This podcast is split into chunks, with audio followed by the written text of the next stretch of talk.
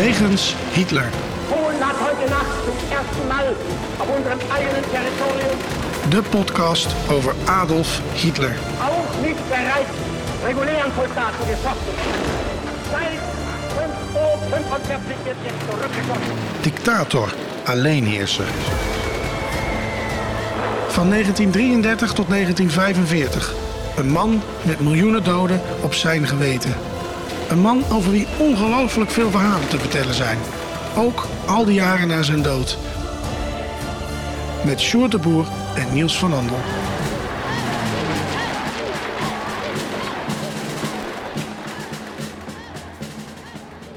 Een nieuwe week, een nieuwe Wegens Hitler.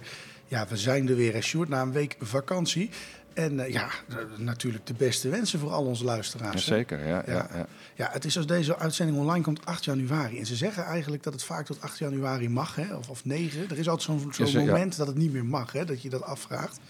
Maar er had een, eh, een, een trouwe luisteraar van ons had daar wel een goede reactie op, vond ik zelf. Die zei, je mag iedereen het hele jaar natuurlijk het beste wensen. Dat Ja, een onzinnige ja. regel. Als we nou iets lulligs te wensen hadden, dan, Ja. dan zou je zeggen, doe maar niet. Doe maar niet. Nee, maar, nee. Ehm, goed, ehm, ehm, we wilden eigenlijk op 1 januari komen. Eh, dat lukte toch niet. Het was wat krap. En toen hebben we ook gezegd, joh, luister, eh, we mogen ook wel eens een keer een weekje vakantie. Hè? Iedereen lag toch lamlendig op de ba- bank. En, eh, Nou, ik wel in ieder geval, ja. ja. Dus eh, eh, goed, ehm, we hebben 1 januari dan wel gemist, maar we zijn nu een weekje later. We gaan wel doen wat we van plan waren voor 1 januari, want eh, dat vonden we leuk. Ehm, maar goed, ja, dus een weekje niet. Ehm, nou, een, een nieuw jaar betekent nieuwe goede voornemens, hè? Mhm, heb jij goede voornemens? Ehm, nou, nee, vooral doorgaan met deze podcast. Dat, dat is Ja. een goed voornemen, want het is, het, het is druk. We hebben veel te doen, jij ook natuurlijk. Maar Ja. eh, ook op het gebied van boeken die ik eh, aan het voorbereiden ben... en interviews die ik doe en weet ik veel wat allemaal. Soms dan eh, moeten we even flink doorpezen. Ja, precies. Dus, en het is ook, ja, ik, jij- mensen kunnen dat niet zien, maar achter mij staat een soort, ja, een soort karretje, zo'n keukenkarretje. En da- daar liggen inmiddels weer zeven nieuwe boeken op over Hitler die ik moet lezen. Ja, ik zag een hele stapel liggen. Ja. ik Ehm. denk, jouw, eh, jouw boekenkast gaat ook steeds meer bestaan uit het ene onderwerp. Ja, precies. Dus ik probeer af en toe nog eens wat anders te lezen. Dus dat ben ik nu aan het doen. Maar daar moet ik ook gewoon even snel doorheen. Want ik, wil, ik ben heel erg benieuwd naar een heel aantal van die boeken die daar liggen. Ehm Ja, en voor, voor, excuses, Voor de podcast heb, heb- heb- ben ik wel even op onderzoek geweest in het museum in Arnhem. Ja. Want daar is zo'n zo'n document- of, of, een, een, een expositie eh, over eh eh, nazi-kunst.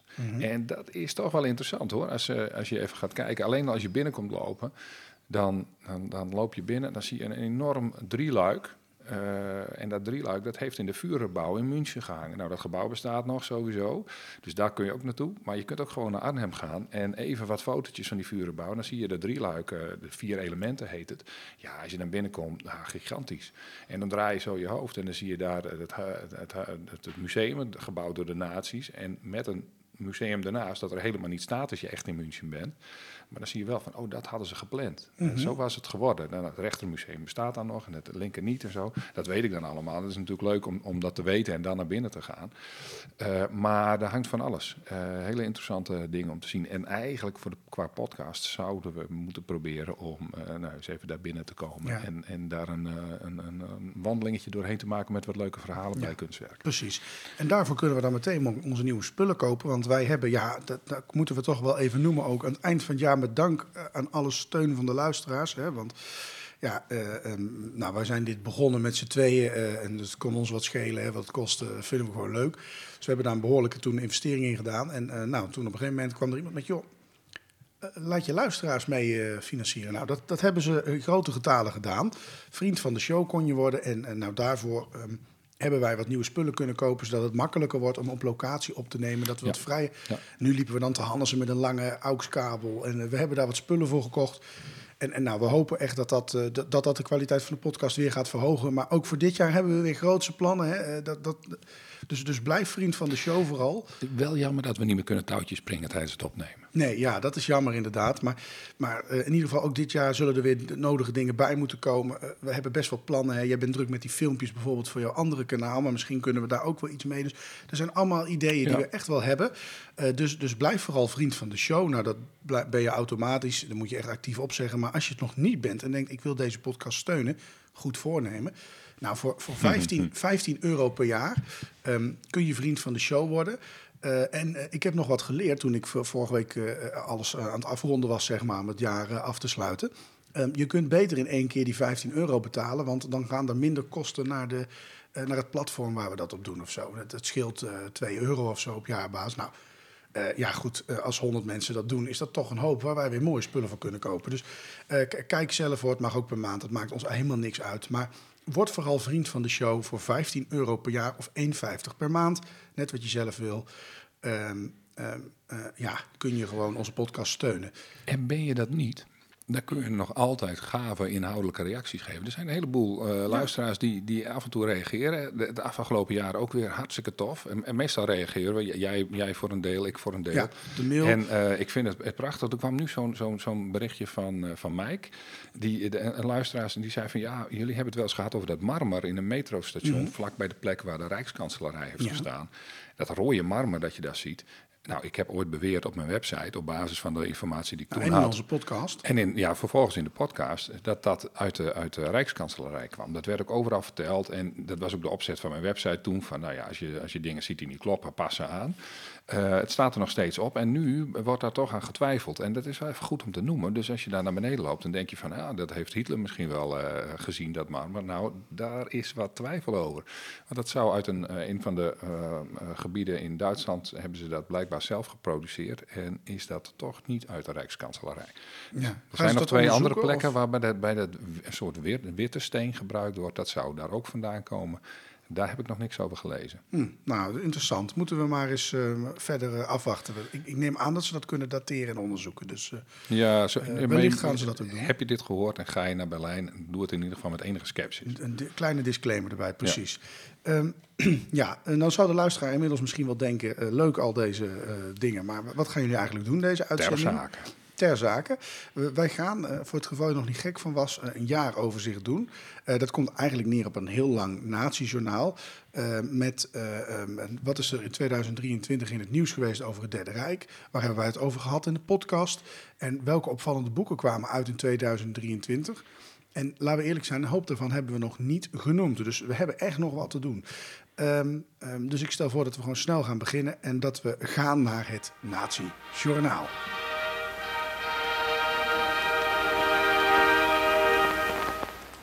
Het Nazi-journaal. Bijna dagelijks is er nog wel iets te vinden over Hitler. Hij is in het nieuws, er is een stuk in de krant, een tweet, een interview of een nieuw boek. We bespreken het in het Nazi-journaal.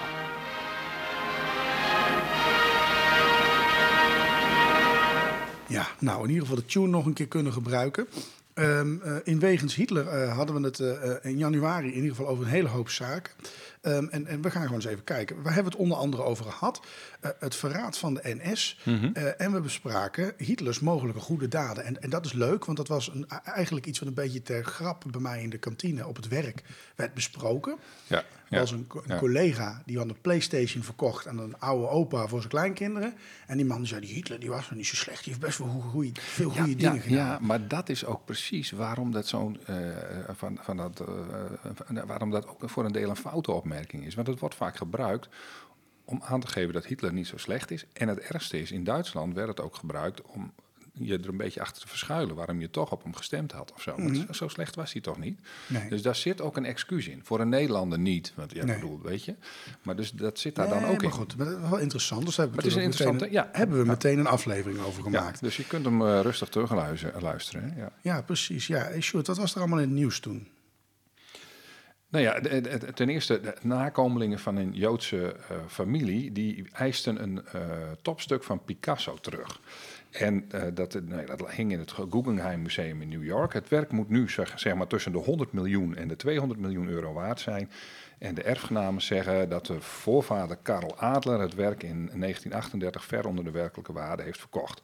Het eh, Guggenheim Museum reageerde daarop door te zeggen dat er uitgebreid onderzoek was gedaan naar de herkomst van het werk. Eh, en er bleek toen geen recht, rechtsgrond te zijn voor teruggave. Dat is heel vaak zo bij dit soort restitutiezaken, ook in Nederland. Ehm, dat heeft met allerlei dingen te maken. En dat is niet altijd qua je, qua je wil of zo, maar soms is het Mhm. wel wat te streng geweest. Nou, eh, Adler die besefte na 1933 dat hij en zijn familie in Duitsland niet veilig meer waren. Dit is dus het verhaal van, de, van die familie die dat stuk had.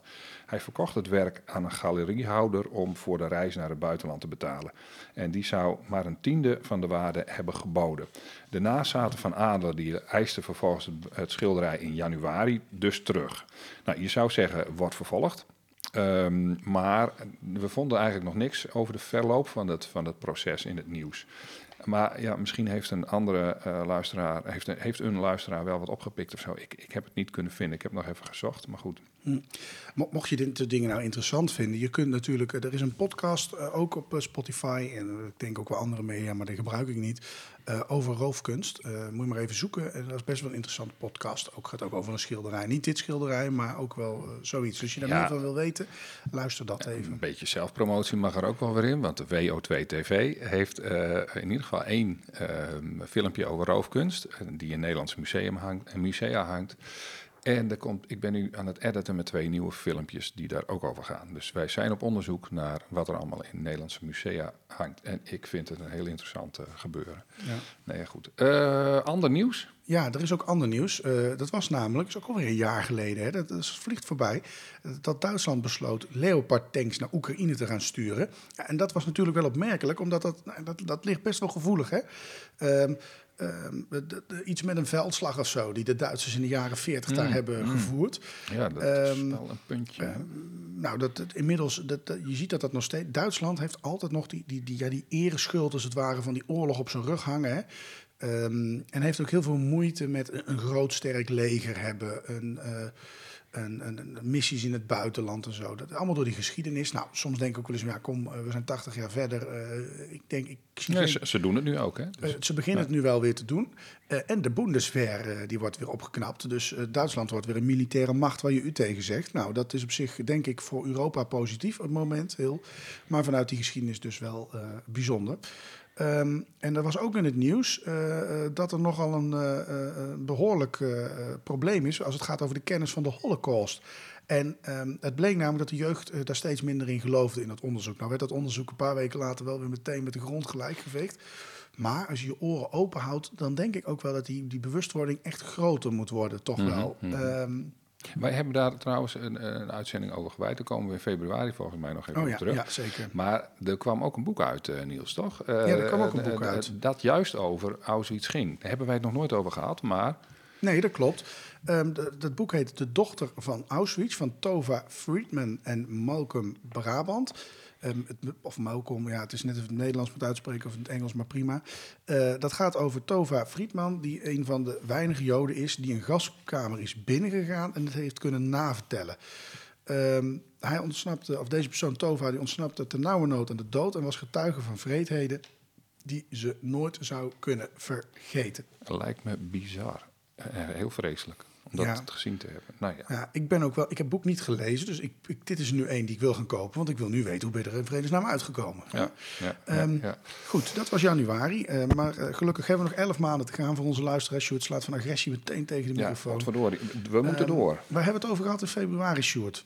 Nou, we hadden het over de Holocaust. Als reactie dus op dat nieuws, hè, van, van dat dat minder ging. Nou, kan geen kwaad. Als veel jongeren er weinig van af weten, dan willen we dat best vertellen. En eh, waarschijnlijk zijn onze eh, luisteraars iets ouder dan, eh, dan die jeugd. Maar goed, wie weet. Eh, verder hadden we het ook over Poetsie Hanfstengel. En eh, ja, we hebben meer van die special-achtige dingen gedaan natuurlijk. Eh, dat was een, een, perschef van, van Hitler. En nou ja, wil je dat weten, luister even rustig naar, naar wat we daarover gezegd hebben in die aflevering in februari. Dan gaan we naar het nieuws Ja. in februari. Wat was er allemaal in de media? Nou, dat, dat- het ging over een laatste overlevende, die, eh, ja, die, die was overleden dan, eh, van het nazi-bloedbad Or- uh, Oradour-sur-Glane. Ik denk... eh, Oh. eh, Oh. ja, ja, ja, ja, ja, ja. Ik heb eh, bij mevrouw Staring goed opgelet bij Frans, hoor. Oelala. Eh, eh, de heer Robert Hebra, Eh, die stierf op 97-jarige leeftijd. Een serieuze kwestie. Uh, het dorpje in het midden van Frankrijk is vooral bekend door een beruchte Duitse oorlogsmisdaad. Op 10 juni 1944. Uh, de huizen in de dorpen werden door een SS-divisie in brand gestoken en de inwoners werden vermoord. 643 mensen kwamen daarbij om het leven en de mannen werden doodgeschoten. En vrouwen en kinderen werden samengedreven in een kerk en levend verbrand. Uh, en maar zes inwoners wisten daaraan te ontkomen. Dus dat is een vreselijke uh, oorlogsmisdaad. Ja, ik dacht, ik weet niet of dat dit dorpje is, maar dat, dat je daar ook nog naartoe kan. Dat dat dorpje daar nog in een betrekkelijk... Er is in ieder geval een dorpje in Frankrijk dat in hele slechte staat zeg maar, is overgebleven. Waar ja. mensen ook naar gaan kijken. Maar dat zou ik moeten uitzoeken, heb ik niet gedaan. Ja, er was daarnaast ook nog van alles in het nieuws, hè, Sjoerd? Ja, nee, het, en, en uh, dat, dat verhaal van het Anne Frankhuis kwam toen in het nieuws. Daar hebben we toen ook bij stilgestaan. Uh, dat uh, de politie op zoek was naar wie, wie, zeg maar, de, de extreemrechtse projecties, staat er dan in de pers, op, op het Anne Frankhuis heeft, heeft geplaatst. En daar gingen ze naar op zoek in januari. 1 februari, sorry. En er verscheen een boek. Ja. 1923, Europa in het jaar van Hitlers staatsgreep van Mark Jones. En dat gaat over München, hebben we het vaker over gehad. Ook in de nacht van 8 op 9 november 1923, de putsch van Hitler natuurlijk.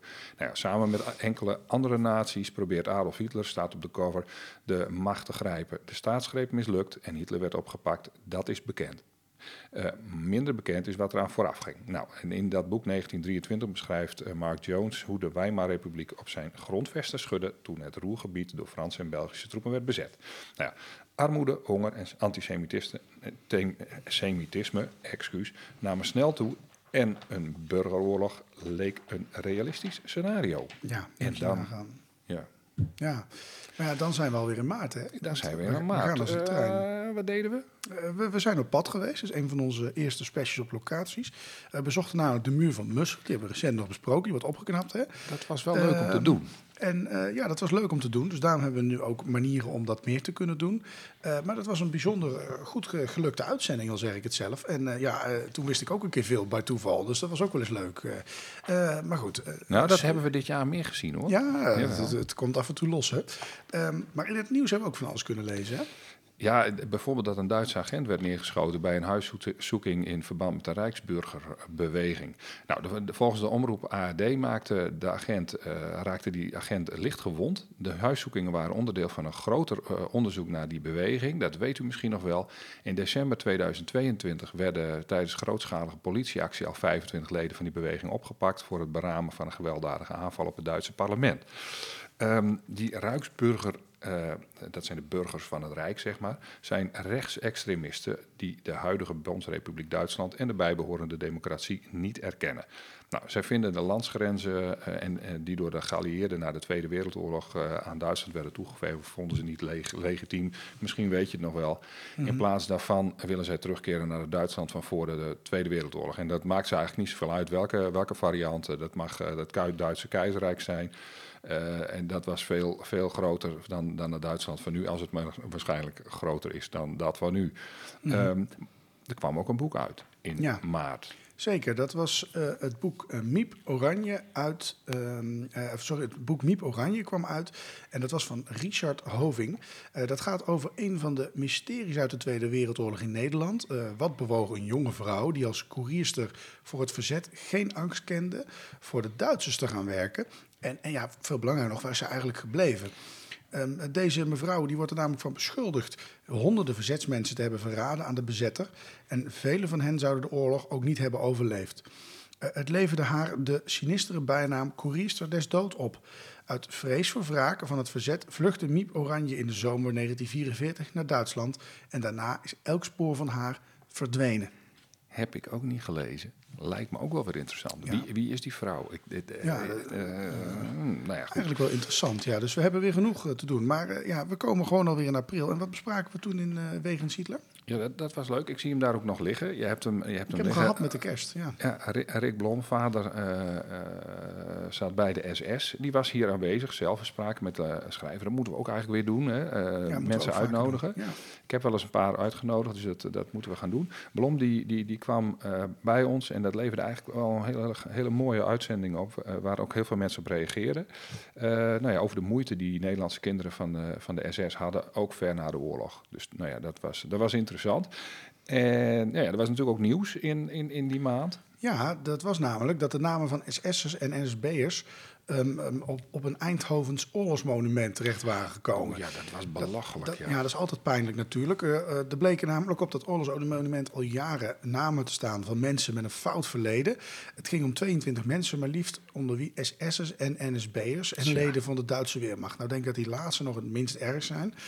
Um, behalve de 22 namen van de Duitse collaborateurs staan er ook nog eens um, uh, volgens de stichting 31 namen op die er om andere reden niet thuis horen. Uh, zo worden er Eindhovenaren genoemd die zijn gestorven aan een hersenbloeding of zijn omgekomen bij een fiets- of auto-ongeluk. Ja, je zou bijna in de lach schieten. Uh, waren het dan niet dat die mensen op een vervelende manier aan hun einde zijn ja, gekomen? Ja, die staan er dan op en dan sta je potverdorie ook nog tussen oorlogsmisdadigers Ja. of zoiets. Ja, ja, het is echt uh, te triest voor woorden. Maar goed, het was niet het enige. Wat was nog meer het nieuws, Sjoerd? Um, nou, dat, dat uh, onderzocht was dat meer Groningse Joden werden vermoord dan gedacht tijdens de Tweede Wereldoorlog. En 90% daarvan overleefde de Tweede Wereldoorlog niet. En nou ja, daarnaast nog, nog twee opvallende nieuwsitems. Ten eerste dat de laatste aanklager van, het Neurenpro van de Nuremberg-processen, Ben Ferencz, volgens mij hebben we dat toen genoemd, mm -hmm. was overleden. En dat de Duitse president bij de ghetto-herdenking in Warschau om vergeving vroeg. Ja. Dan hadden we een boek van april. Ja, en dat was het boek uh, Mijn Nazi-opa van Sunny Bregman. Uh, Bregman onderzoekt daarin het verleden van haar opa en de actieve deelname van hem aan de Jodenvervolging. Ook interessant. En dan gaan we naar mei. Ja. En daar gebeurden weer speciale dingen in wegens Hitler. Ja, uh, um, wat was er onder andere? Ten eerste verscheen natuurlijk een nieuw boek van Sjoerd, De Jonge Hitler. Ja, fantastisch hè, weer eventjes... Uh, even een momentje. Um, ja, eventje, moeten we even bij stilstaan, een minuutje stil. Kan hier, kan hier een jingle achter. Ja, ik denk dat ik die ga maken. Uh, maar we waren natuurlijk ook in Berlijn in begin mei. Um, en maakten daar een paar reportages op locaties. Ja, dat was leuk. Ja, dat was leuk. Wij zijn met, met, met zo'n stepje een half Berlijn doorgekrost. We zijn ermee omhoog gereden naar een vlaktoren. Ja, toen was mijn, mijn step ook volledig leeg volgens mij. Bijna. Nou, het was wel een heel end, maar gelukkig omhoog was niet zo... Naar beneden gaat een stuk makkelijker, want ja, toen heeft de motor ja. niet gedraaid bij mij. Nee. Uh, we hebben een, ja, godsvermogen uitgegeven aan die stepjes. We hadden beter een fiets kunnen huren, maar goed, wij, wij leren ook. Heb, jij dat, heb jij ooit een tikkie naar mij gestuurd daarvoor? Dat heeft de podcast betaald. Oh, dat heeft de podcast dat, uh, betaald, dat, okay. Alle kosten die wij maken, proberen we in de podcast te stoppen. Nou, niet uh, vervoer mogen we natuurlijk niet. Nou ja. Tuurlijk wel. Okay. En uh, tenminste, luistert toch niemand van de fiscus, joh. Nee, nee, nee, grapje mensen. We doen het allemaal netjes hoor. Ik hou dat allemaal keurig bij. Maar goed, um, uh, mijn stepje zijn we heel blij. We hebben die hele vlucht van Hitlers bunker. Uh, inmiddels zijn we zover dat we daar misschien nog meer wil, willen gaan doen. Hè. We ja, hebben grootste ja. plannen, dus ja. echt fantastisch leuk weer. Maar uh, ja, dat was fantastisch leuk en interessant weer. Um, ja, en nog een voordeel, jij kon even bij die kinderen wegkijken. Eventjes voor de luisteraars, wij waren collega's. Hè. En uh, ja, ik ging ook mee naar Berlijn als, als, docent vroeger, maar ja, ik was geen docent meer. Dus ik mocht nu mee zonder verantwoordelijkheid. En ik Ja, heb ook alles ja. gedaan om dat te laten merken, dat ik geen verantwoordelijkheden meer Nee, nee, je was eigenlijk net zo erg als, als de leerlingen. Die waren trouwens fantastisch. Wij hebben echt een leuke week gehad hoor met ze. En, eh, en, en Niels eh, hing daar ook een beetje tussen. Ik heb weer een hoop 16-jarige liefdesadvies kunnen geven. Hem moet je niet ge... Hij is niks, joh. En, eh, echt weer leuk was het. Ja, eh, maar goed, eh, dat, dat allemaal gehad. Eh, luister dat vooral terug als je het leuk vindt. Ehm, er was in het nieuws nog wel meer. eh, eh, eh, en ja, vooral in mei is er altijd wel genoeg nieuws. Want wat in mei is natuurlijk ja, die Ja, maand dat het, ja, het. Rijk viel. Ja, je hebt van die, van die journalistieke agenda's. Hè. We- Ze letten dan ook vooral op dat soort dingen. Die komen dan ook veel, veel in het nieuws. Als je, dan, je ziet ook dat heel veel oorlogsboeken in die tijd willen verschijnen. Soms is het slim om het juist niet te doen. Maar goed, we hoorden in die maand dat Hitler sprak via de intercom van een Oostenrijkse trein. Eh, we leerden dat het geboortehuis van, van, van Hitler een centrum wordt voor mensenrechtentrainingen. Eh, we vernamen dat, dat Thierry Baudet ook in hoger beroep veroordeeld werd voor holocaustvergelijkingen. En we begrepen nu pas dat er eerherstel was voor Lutzen Dijkstra. Ehm, eh, de vader van kunstschaatslegende Sjoukje Dijkstra. Want ik kende, dat heb, ik- heb dat net gezien, zeg maar, toen ik aan het zoeken was. Eh, die was namelijk toch niet fout in de oorlog. En eh, nou ja, ik had dat nieuwtje al niet, ik had al niet gezien dat het zo was. Maar dat is, blijkt dus niet het geval te zijn. Kijk, Prima. Ja, er kwamen natuurlijk ook boeken uit. En ja, de grootste mijlpaal heb ik eigenlijk al genoemd. Het verschijnen van Sjoerd's boek De Jonge Hitler. Oh, je noemt het nog een keer. Ja, ik je. noem het nog een keer. Ja, precies. Ja, vooral omdat hier op mijn briefje staat door luisteraars. Ehm, daarover hebben wij toen ook een special trouwens opgenomen in mei 2023. Die kun je terugluisteren. En als je dat hebt gedaan, dan kun je natuurlijk niet anders dan het boek bestellen. Dus nou, het, het zit allemaal maar mee. Ja. Ehm, eh, maar eh, toch nog, eh, ja, wij zijn natuurlijk geen fascistische podcast, dus we moeten enige keuzevrijheid in ieder geval suggereren.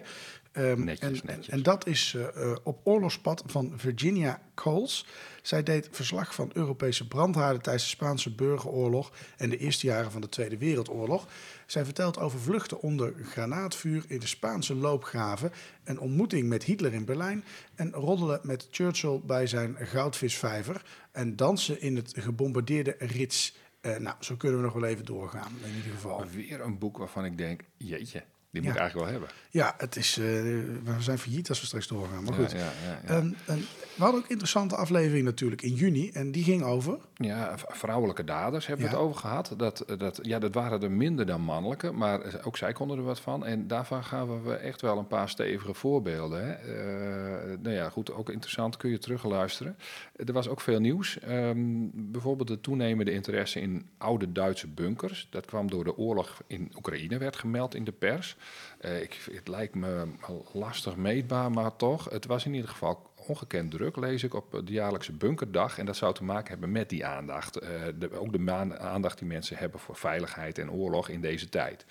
Nou, verder werd gemeld in de pers dat een voormalig woonhuis in Venlo... dat in de Tweede Wereldoorlog werd gebruikt als onderdijkadres... voorlopig nog niet werd gesloopt. En dan was er nog een bericht dat een van de grootste massa-executies tijdens de Tweede Wereldoorlog in Nederland op een andere plek was uitgevoerd dan tot nu toe, werd aangenomen. Eh, dat eh, heeft te maken met het kamp Amersfoort. Het onderzoek in dat kamp wees uit dat dat zo was. Eh, in, april 1942 schoten de nazi's in Amersfoort 77 eh, krijgsgevangenen uit de Sovjet-Unie dood. En de plek waar dat gebeurde ligt wel in de buurt van het monument dat er nu bij volgens mij kamp Am- Amersfoort in de buurt is. Maar eh dit is niet precies de plek. En ze weten nu wel waar die plek is. Nou, en eh, er natuurlijk verscheen er weer een boek in juni. Ja, er verscheen een boek en dat was Gevlucht om te vechten. Eh, en dat ging over de Joodse vluchtelingen van de First Airborne Division van Jorn Brentjes. Eh, waar gaat dat boek nou over? Dat boek gaat over operatie Market Garden, de grootste geallieerde luchtlandingsoperatie van de Tweede Wereldoorlog. De Britse First Airborne Division werd ingezet bij Arnhem. Onder eh, deze eenheid bevonden zich dus onder andere Joodse, en eh, eh, Joodse Duitsers en Oostenrijkers die eh, waren gevlucht. Het waren er maar liefst 21. Zij waren opgegroeid in Nazi-Duitsland en in de jaren 30 dus gevlucht naar Groot-Brittannië en hebben zich daar dus ingezet voor de Britse luchtlandingsstrijdkrachten. Nou, bijzonder. Juli. Juli. Eh, we hadden een zomerprogrammering. Ja, voor het eerst, hè? Ja, ja, met onder andere zomerspecials eh, over België en Noord-Frankrijk. En de Grebbeberg Er zaten een paar hele leuke tussen. Er zijn ook wat, wat voorleesacties geweest die wat minder gewaardeerd worden. Daar eh, heb ik geen schuld aan hoor. Maar in het nieuws was toen Niels, vertel. Ja, de schrijfster Marga Minko die was overleden. Eh, maar we vonden daar maar weinig aandacht voor was geweest. Eh, eh, eh, en ook wij kwamen er trouwens pas te Ja, laat achter. ja, Eh, in juli stierf ook de Franse D-Day-held Léon. Gautier. Ehm, hij was eh, het laatste levende lid van de Franse elite-eenheid... die op die day voet zette op de stranden van Normandië. Zijn commando Kiefer bestond uit 177 Franse vrijwilligers... die in het Verenigd Koninkrijk getraind werden om tegen de Duitsers te vechten. Op 6 juni 1944 gingen ze onder het gezag van de Britten aan land op Sword Beach. En die dag telde de groep 10 doden en 30 gewonden. In de 2,5 maand daarna bleef de eenheid aan het front. Slechts 20 leden kwamen die tijd ongeschonden door, onder wie dus de overleden Gautier. En als laatste feitje uit het nieuws van juli, eh, de, dat toch eh, eh, dat ver- verkeerde namen op dat monument in Eindhoven waren verwijderd. En dat betekent dus een rustig vakantietje, want ja, we konden in ieder geval met een gerust hart gaan. Nou, ook uiteraard weer in die maand een paar boeken. En uh, Sjoerd, ga je gang, vertel. Ja, we doen het even in meervoud eh, dit keer. Want nou ja, dat heeft natuurlijk te maken met. eh, nou, nee, laat ik ze eerst noemen. Ik noem een leeg huis. Ik noem de glazen brug. Ik noem de val. Ik noem het bittere kruid. Niet omdat ze net verschenen waren op dat moment. Maar gewoon omdat ze door Marga Minko zijn geschreven. En dat geen kwaad kan om dat nog een keer te herhalen. Ja, Augustus. ja we De hebben, eh, zomerprogrammering liep door in wegens Hitler. jazeker. En daar hebben we het onder andere gehad over de neef van Hitler. Ja. En over, ja. toen konden we eindelijk weer aan de gang. En dat, dat lijkt alweer zo kort geleden, maar dat is al best lang geleden weer. Over Germania hebben we het gehad. Eh, nou, super interessante afleveringen. Luister ze zeker nog een keer terug. Ehm, ehm, in het nieuws, eh, in ieder geval voor zover we dat hebben meegekregen. Ja, jij lag op een handdoekje ergens volgens mij. Ja, dat was pas in september, moet je nagaan. ja, wat, ja. wat was er in het nieuws, Sjoerd? Eh, enkele politieagenten hadden zich schuldig gemaakt aan het plaatsen van onder meer racistische berichten in een WhatsApp-groep. En nou ja, op zich is dat niet per se iets dat bij Wegens Hitler hoort. eh, maar omdat een agent een foto van zichzelf stuurde in de appgroep, waarop hij hetzelfde kapsel en het type snor heeft als Adolf Hitler, heeft dat natuurlijk wel weer ermee te maken. Dus vandaar dat we, eh, nou ja, dit valt onder het nieuws dat toen verscheen. Hij had ook eerder al racistische berichten verstuurd, dus vandaar dat het in die appgroep opviel. Eh, dan was er iets over een Frans massagraafnieuws met Duitse soldaten uit de Tweede Wereldoorlog. Ja, ehm, dat werd geopend eh, na de bekentenis van een oud verzetstrijder. Eh, het zou gaan om een massagraf met tientallen Duitse soldaten en een Franse vrouw... die zouden hebben gehuld met de nazi's. De soldaten werden op 12 juni 1944 gedood... bij een buitenrechtelijke massa-executie door het Franse verzet. Die volgde op de bloedbaden in verschillende Franse plaatsen... door een Duitse SS-divisie... Eh, in mei van 2023 verbrak een 98-jarig oud-verzetstrijder het zwijgen over die executies. Eh, hij, herinnerde zich, herinnerde zich heel goed hoe de 47 Duitsers eh, gevangen werden genomen bij een aanval door de verzetsgroep en naar een bos werden gebracht. En daar werd het bevel gegeven voor de executie, omdat er geen plaats was om de groep gevangen te houden. Nou, de Duitsers werden gedwongen hun eigen graf te graven. En ehm, eh, de leider van de verzetsgroep vertelde de soldaten dat ze gedood zouden worden. En moest daarbij huilen, herinnerde de oud-verzetstrijder zich. En sommige verzetstrijders weigerden trouwens ook te schieten onder de getuigen, getuigen zelf, waaronder de getuigen zelf. Niemand die wilde de vrouw van in de twintig doden, eh, maar na het trekken van het laatste van, het, van, van loodjes, zal ik maar even zeggen, gebeurde dat toch. Eh Rivière eh, kon de plek dit jaar niet meer aanwijzen, omdat het bos sinds de jaren 40 behoorlijk was veranderd. Met behulp van grondradar vond men de contouren van een kuil en in augustus begon men met de opgravingen.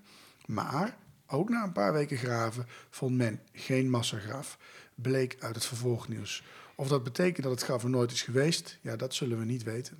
Nee, nee, wij weten het in ieder geval niet. Nee, ik, Nee. ik heb het ook niet gevonden.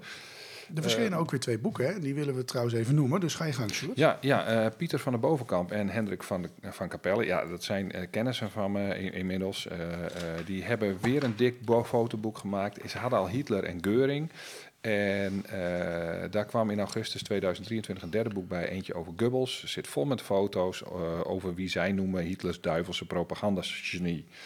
Een ander boek in die maand was Denkdwang. En dat vond ik zelf ook wel een hele interessante, van Pim van Gool. Dat gaat over de Joodse arts en wetenschapsfilosoof eh, Ludwig Vlek... die in 1944 werd gedeporteerd naar Boegenwald. Hij moest daar leiding geven aan een team dat onder doodsbedreiging onderzoek deed... naar een vaccin tegen vlektyfus... En na de oorlog beschreef Vlek hoe een Nederlandse student biologie en andere dwangarbeiders destijds dachten dat ze daarbij op de goede weg waren. Maar Vlek die wist beter en die hield het geheim. Dus die was eigenlijk onderzoek aan het doen, maar was eigenlijk dat, eh, eh, dat onderzoek aan het frustreren. Ik ga dit bestellen. Ja, Het lijkt me wat aan de ja. filosofische kant trouwens, maar dat weet ik niet. Ga ik, ga ik dan wel Zou ook wel eens goed voor je zijn. Ehm, toen, Dank al- u, dank u, dank u, dank u. toen werd het trouwens alweer september. Hè? Eh, eh, de zomer was voorbij. Tenminste, ik lag heerlijk eh, in Griekenland aan het strand. Maar goed. Oh ja, dat is waar. Ehm, ja. eh, het zou hier inmiddels de meest regenachtige herfst sinds de middeleeuwen worden. Eh, En wegens Hitler liepen we een aantal locaties in Neder-Saxen langs, waar Hitler is geweest.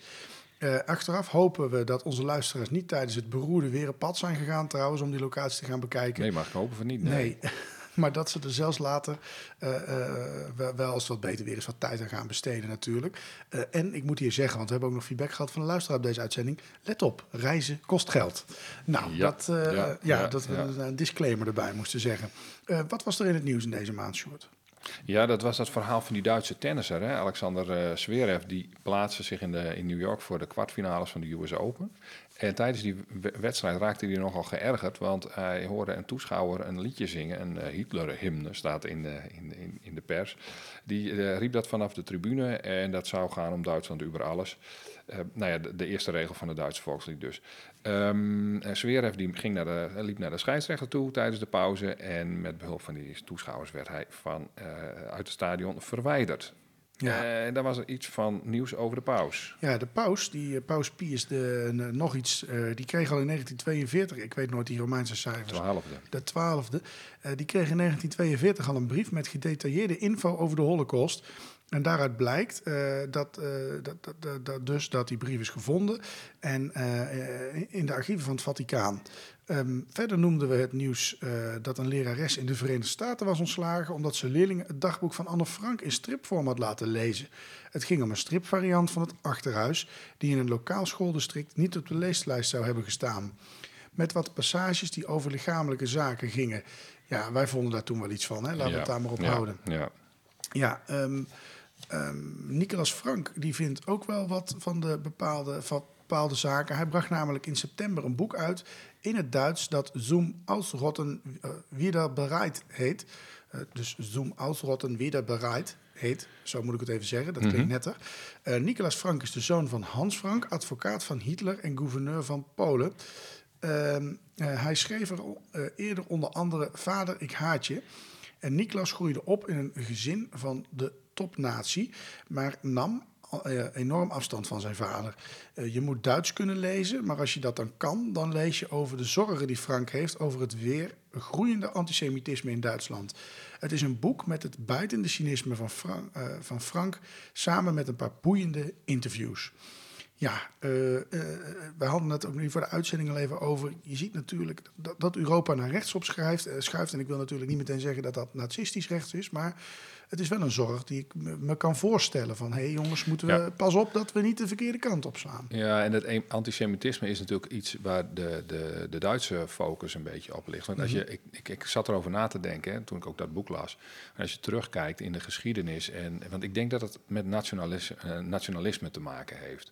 Als je terugkijkt eh, naar eh, de, in de geschiedenis van Duitsland, dan is het moment om, waarin Duitsland groot was, het eerste wat je tegenkomt, is natuurlijk vrij dichtbij. En dan heb je te maken met de nazi's. En daar hoort dat antisemitisme bij. Volgens mij is dat in Nederland ook aanwezig op een moment, maar niet per se. Wij hebben natuurlijk een beetje een hekel aan, aan Duitsers gekregen sinds de Tweede Wereldoorlog. Dat is nog aan het normaliseren, gelukkig. Ehm, maar als wij terugkijken in onze geschiedenis, dan komen we niet meteen op bij antisemitisme. Ook zit er ook in natuurlijk. Alleen dan zitten we in de Gouden Eeuw en dan heb je het veel meer over, over, het, eh, nou ja, over dat slavenverhaal en, en dat soort eh, ellende. Ehm, eh, en da- om, om, voordat je op een punt bent dat we echt trots zijn op Nederland. Eh, dus ik denk dat dat twee verschillende wegen zijn. En, en, en dat zie je bij Niklas Frank, zie je dat, dat vooral die focus op dat eh, antisemitisme ligt. Ja. Eh, dus dat, dat, misschien verklaart dat het eh, verschil. Ik weet het niet zeker hoor, maar dat, dat, dat moest ik aan denken. D- er was trouwens nog een boek in september. Eh, zal ik daar iets over Mhm. Ja, zeggen? zeker. De, oorlogswinst. Dat ging over bezettingsmaatregelen die bleven. En dat vond ik leuk, omdat ik dat tegenkwam. Ik denk, dat moet ik even noemen. Want daar heb jij het een keer over gehad eh, in, in de uitzending. Dat, eh, eh, het de boek is van Gert-Jan van Zetten. En het gaat over een groot aantal verordeningen die de Duitsers doorvoerden tijdens de bezetting. Een deel werd na de bevrijding afgeschaft, maar een ander groter deel, zegt hij ook, bleef voorlopig van kracht. En een aantal, keer kreeg, en een aantal kreeg later een vaste plaats in de Nederlandse wetgeving. Nou, eh, dat vond ik wel grappig. Want Ja. jij hebt daar in ieder geval één Ja, eh, een keer bij Van Nu naar. Vroeger. Ja, hebben we het Ja. over gehad. Ja. Nou ja, oktober. Oktober alweer, ja, het gaat snel. Hè? Toen deden we een special over Jozef Goebbels. Eh, we bespraken Hitlers tweede boek, dat, dat nooit verschenen is. En we hadden het over Hitlers Sonderzoek, zijn persoonlijke privétrein. Ja, Ja. ja. dat had jij ook helemaal voorbereid. Ja, zeker. Dus, Dus, dus, er zijn best wel momentjes voor jou bij Ja, geweest, dat was eh, heel fijn. Niels. Eh, in het nieuws was trouwens nog meer die maand. eh, dat prins Bernhard tot zijn dood eh, heeft ontkend dat hij nazi-lid eh, is geweest. Maar ja, in zijn archief had hij vergeten de lidmaatschapskaart weg te gooien. De originele daarvan is gevonden en dat, dat werd natuurlijk groot in het nieuws neergezet. De koning heeft zelf trouwens ook gereageerd op die onthulling van de NSDAP-kaart van Bernhard. Ehm, eh, dat het grote impact zou hebben. Het gekke is dat de kaart al twintig jaar eerder was gevonden, maar dat de archivaris het niet nodig vond dit te melden. eh, om wat voor bijzondere reden dan ook. Maar ik denk dat oma Bernhard toen nog. eh Ja, en dat denk ik Benno, ook. Benno er toen nog net was. Dat denk ik ook, ja. dat Benno er wat van vond. Ja, er waren ook boeken, hè? Ja, bijvoorbeeld eh, de brieven van Mia. Nou, we hebben het natuurlijk heel vaak over, over informatieve boeken. En dit is een, een voor volwassenen en dit is een kinderboek. Dus voor wie nog jonge kinderen heeft. Eh, Astrid C. die schreef een boek over de Tweede Wereldoorlog. Eh, dat is geschikt, eh, gok ik zo, voor de bovenbouw van de basisschool. maar ook voor de onderbouw van de middelbare school. Via brieven en verhalen van meneer Cohen, die zit dus in dat boek. En het onderzoek van een elfjarig Syrisch meisje, Laila, die zit dus ook in dat boek, lees je welke verschrikkingen er plaatsvonden in de Tweede Wereldoorlog. Nou, en dan verbindt dat de gebeurtenissen van toen met die van, nie, omdat die, eh, van nu, omdat die Laila, die eh, denkt daar regelmatig terug aan de oorlog in Syrië. Eh, nou ja, als ze leest over die verhalen van die Mia, die dat, eh, de Tweede Wereldoorlog heeft ma- meegemaakt. Eh, met dat kinderboek eh, duiken we de maand november in. We stonden stil bij wat er gebeurde met de daders van de aanslag, aanslag op Hitler in 1944. Dat was eh, een interessante aflevering volgens mij. En we starten met een drieluik over propaganda. Dat Ja. was onze uitdijende serie die ja. maar niet stopte. Nee. Maar daar viel ook heel veel over te vertellen over die propaganda. Maar er was ook nieuws. Ja. Ehm, onder andere november staat bekend natuurlijk om de herdenking van de Rijkskristalnacht.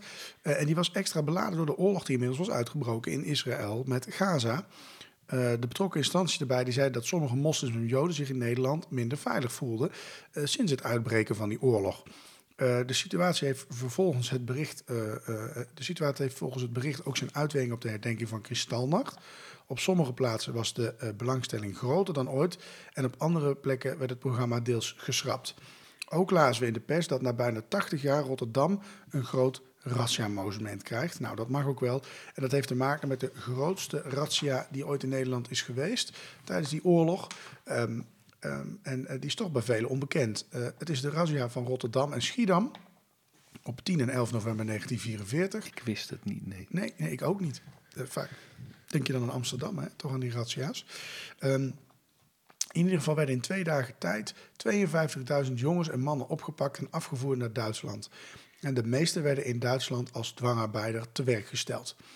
Ehm, als we dat dan toch over Rotterdam hebben, ze worden geen kampioen dit jaar. Oh, sorry, dat staat er niet. Ehm, eh, we kunnen het gaan hebben over eh, eh, het boek van november. Eh, en uh, Sjoerd, welk boek is dat? Ja, dat is De Keien, Rotterdamse studenten tussen handel en verzet van 1940 tot 1945. En dat gaat over acht studenten. Die vormen samen de jaarclub De Keien en die raken betrokken bij het verzet in uh, Rotterdam. Ze zijn samen met die studenten van andere verenigingen, werken ze samen om communisten, havenarbeiders en celi te, te, te, nou ja, te beschermen en te helpen. En hun studentenhuis wordt dan een belangrijk centrum voor, van de Rotterdamse uh, illegaliteit. Dus het is best interessant om eens een keer in die Rotterdamse geschiedenis te duiken. Want daar is natuurlijk heel veel gebeurd, ook na het bombardement. Dat kennen we allemaal. En deze twee uh, losstaande feiten, nou, daar mag je ook nog best eens naar kijken. Uh, we zijn al bijna door het jaaroverzicht heen. We zijn in december. De, de, de, de, nou ja, het traditioneel illegale vuurwerk speelt zich dan af. En we hadden het in Wegens Hitler over. Hitlers wraak in Compiègne. En vierden kerst met Adolf Hitler. Nou ja, niet al te letterlijk natuurlijk, maar het, het was wel gezellig. We hadden het hier wel gezellig, zeg maar. Ja. Nou ja, uh, in het nieuws. Ja. Even serieus. Uh, in het nieuws zagen we dat koperdieven platen van oorlogsgraven aan het slopen waren. Uh, op een militaire begraafplaats in België. Uh, rond de 60 platen werden gestolen en de platen zaten vast aan uh, de grafstenen. Ook werden er andere graven beschadigd en er zijn zelfs grafstenen die volledig gebarsten waren door het brute werk van de dieven. Nou, uh, laffe zak hooi ben je dan zeg. Zo. Um, gelukkig is er ook wat mooier nieuws. Dat gaat over de Duitse oorlogsbegraafplaats in het Limburgse dorp IJsselstein.